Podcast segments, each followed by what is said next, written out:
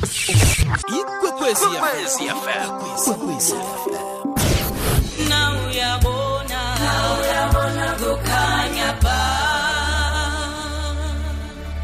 kwehlelo isivule breakfast show. Mbuzi mlalisi mthemsile bona ke sizokhulumisana ke no Dr. no Dr. Mazuma ovela kubongingemazuma mazuma foundation siyakuthi inyanga lenyanga yechukela vane sikhulume naye vele kaningi eh ngendaba le yechukela siyazi ukuthi vele ke vana licale lijima leli ukusiza nje umphakathi ngalelo hlangothi. And sekukatanyana singasacocacoki naye ari. Uthanda ikwekwe ezikhulu uthanda eh ihlelo sivukile breakfast show. Nathi simthanda khulu khulu khulu khulu katanyana ngagcina ukumbona emehlweni. Lotshani. Kunjani Njani? nikhona njani? Awona Wasila- sisikhona. wasilahla-ke wasilahla-ke ungasaveli. Netsove ngimaniceli ye ngiyanikhumbula ah nathi Hayi, sikhumbula nathi khulu sikhumbulile. sikhumbula khulu ekuseni nje uzwe neperfume akhona na ungena kwestudio wow thank you. Siyathokoza. Eh dr akhe sikhulume lapha-ke ngebongingema Vu- I mean zuma foundation le ukuthi-ke yathoma nini ukubuyisela abantu emva kancane ngomkhumbulo?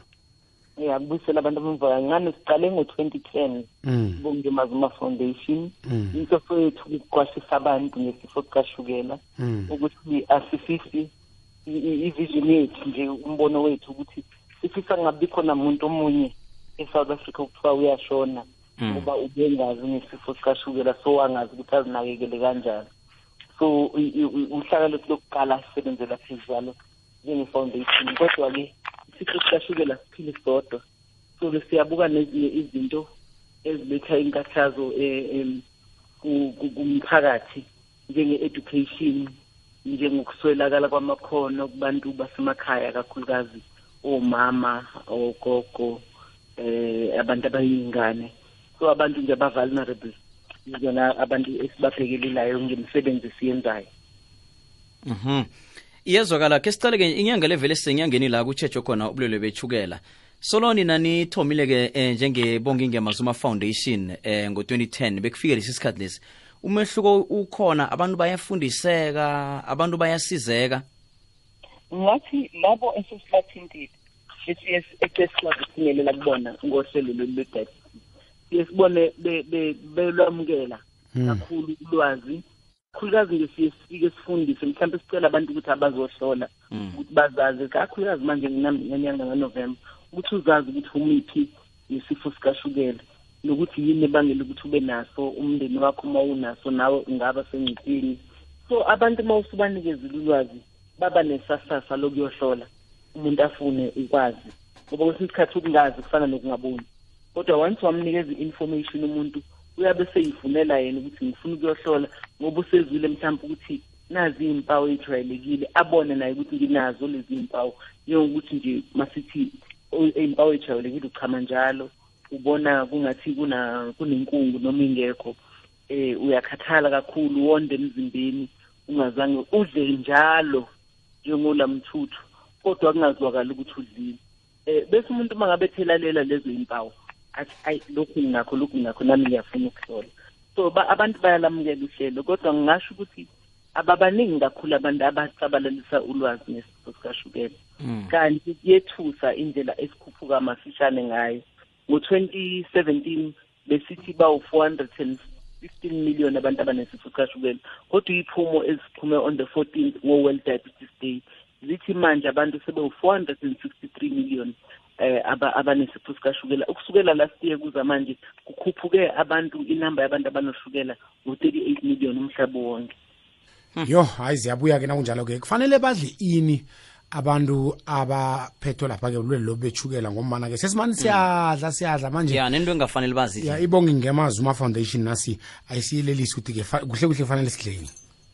Mina ngiye ngithi akukho ukudla okufanele abantu bakashukela okunga- wena wena omunye ongafanele ukudla itimu yalo nyaka nje ye-world diabetes day ithi family and diabetes. Umuntu akufanelanga nimhlunge adle into yakhe ehlukile yedwa. Kodwa sonke uma singa-adoptha indlela sibambe leyo ndlela yokudla kakhulu siqinise kumaveji ma ngithi amaveji mhlawumbe ngoba ngibiza ngegama le- lesingisi uzocabanga ukuthi ngisho into ethile ephucukile. Cha iklabishi nje iveji imroho iveji eh yonke lemfino le esihlale sidla iveji ithanga iveji ubhatata iveji so simasithi qinisa kakhulu kumaveji ikakhulukazi lawa amahlamvu njengayo imfino bonoklabishi labo a- a- anomsoco kakhulu. Kodwa bese kuya nendlela okupheka ngayo. Mm. bo iklabishi uma uzolipheka lize libe brown lize lithambe umsoco wonke lo ufanele uthole umzimba awusekho. Okherothi nakho konke izinto esikwaziyo ukuyithola kalula. Kodwa uma singaqinisa ngithi ekudleni kwakho kukhona mhlawumbe amaveji amabili bese uthi ipapa lisinqiphise lingabi intaba i-mount sion bese eh, eh, eh, nenyama ke bese kushuthi iplate lakho half amaveji axubile bese kuzothi i- i- ipapa lenza ikota inyama noma lokho kuyisishebo bronchis wenza enikota uma ngibala-ke istarch ukuthi ukudla esikudlayo kune-starch ngisho ukuthi nedumbe line-starch Mhm. nethanga especially butternut line-starch so uma ngabe uzofaka idumbe yehlisa kakhulu kakhulu la kwipapa ukuze istarch osidlayo ngesikhathi singabi siningi kakhulu. Ngoba ngithi istarch emzimbeni isona-ke lesethe sidala ukuthi i-glucose ibe ningi kakhulu egazini. Kanti-ke mase sithi noshukela suke sesisho ukuthi umzimba wakho awusakwazi ukuprocessa le glucose ngendlela. Kusho ukuthi awusakhiqizi i-insulin eyanele yokuphusha le glucose iyongena kuma-cells ukuze iphenduke i-energy. Noma ama-cells akho awasavuleki kahle ukwamukela i- isibalo esifanele se-glucose ukuze ube ne-energy. Yikho-ke siye sithi enye yezinto e- obona ngazo ukuthi ukhathale ngoba umzimba wakho awunayo energy ngoba le glucose kufanele ngabe yokwenza i-energy izulazula egazini lakho. Sihlabile phambili kusivukile breakfast show. Eh doc- eh, doctor ungakhe mhlawumbe usitshele ngemihlobo yobulwele lobethukela okay iy'nhlobo ezijwayelekile zikashukela zimbili noma zingathi zintathu noma lele lesithathu ifola under lo wesibili okokuqala i-type one diabetes ejwayeleke ukuthi vele umuntu esasemncane. Ngo-twenty um seventeen besithi iy'ngane kusukela ku- ku- kunyanga eyodwa kuya ku-twenty years ezinesifo sikashukela i-type one diabetes. Beziwu-six hundred and fourteen thousand umhlaba wonke. Kodwa iy'phumo week zithi iy'ngane eziphila ne-type one diabetes njengamanje ziwu-one point one million. Futhi seyikhuphuke ngento engale kwa-three hundred thousand. Ziphezulu yes. Bese kuzoba khona isifo esijwayelekile kakhulu kashukela i- i-type 2 diabetes. Type 2 diabetes uyenzeka noma ngabe ungakanani. Kuyenzeka um- ingane ibe no-type 2 diabetes kodwa kujwayeleke kakhulu ukuthi uvele uma usukhulile uncike kakhulu kwi-lifestyle kusho ukuthi indlela ophila ngayo. Kanti futhi unawo umthelela wokuthi ekhaya ninaso yini isifo sikashukela. Okukuthi izinto ezingakwenza ukuthi udevelop type 2 diabetes one uma ekhaya kukhona umuntu oke waba nesifo sikashukela nawe ungaba naso akusho ukuthi uzoba naso. Bese kuba number two uma ngabe i-age yakho isidlulile ku-thirty kube kuwukuthi uphila ila impilo engenakho ukunyakaza kakhulu. Eh umuntu nje ozihambela ngemoto udlule ku-drive through uthenge i-K_F_C uhlale ukhuphuke nge-lift ye-office awu-exercise umzimba wakho awunyakazisi kakhulu. Leyo lifestyle noma ngabe umncane ngomzimba iyakubeka engcupheni yokudevelop type two diabetes.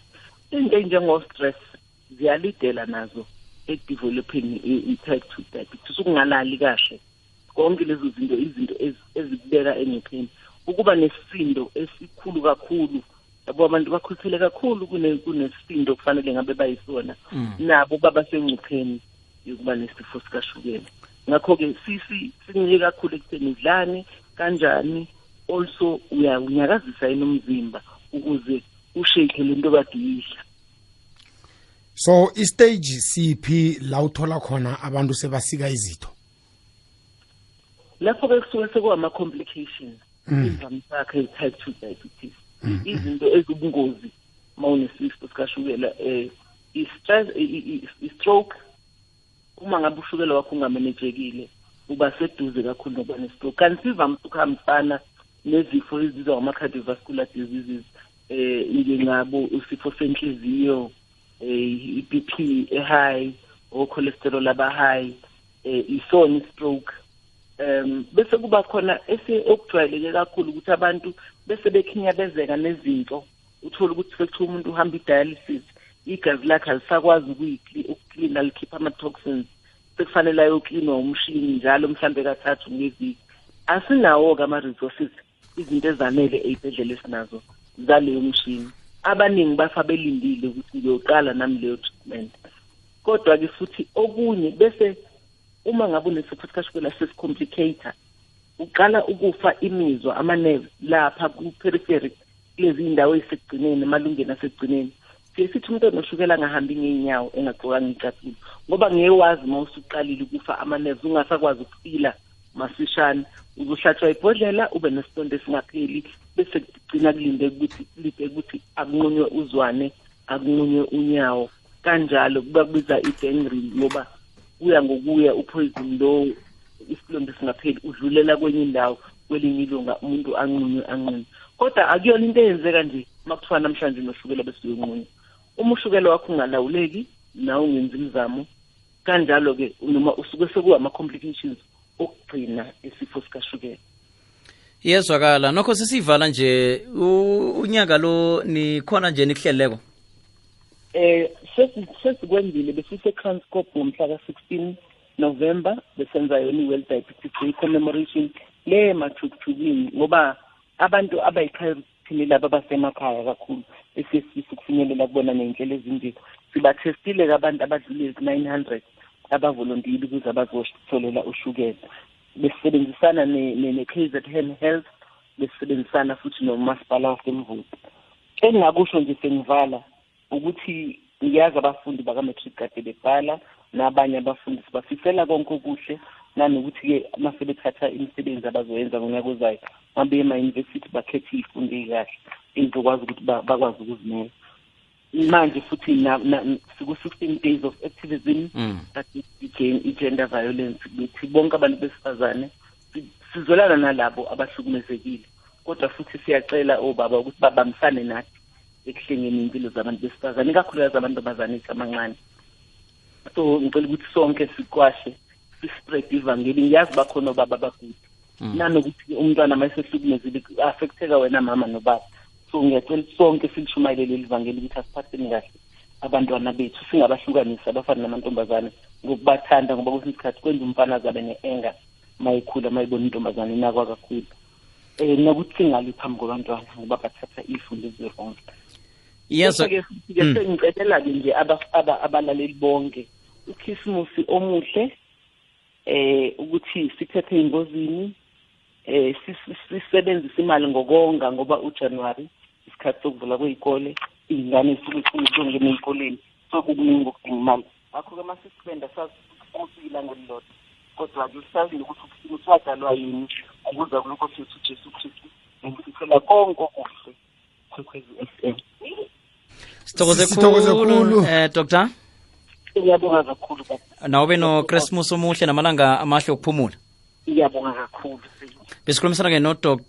Bonginge mazuma we-bonginge mazuma foundation. Besicala pha kubulwele bechukela ikwekwezfm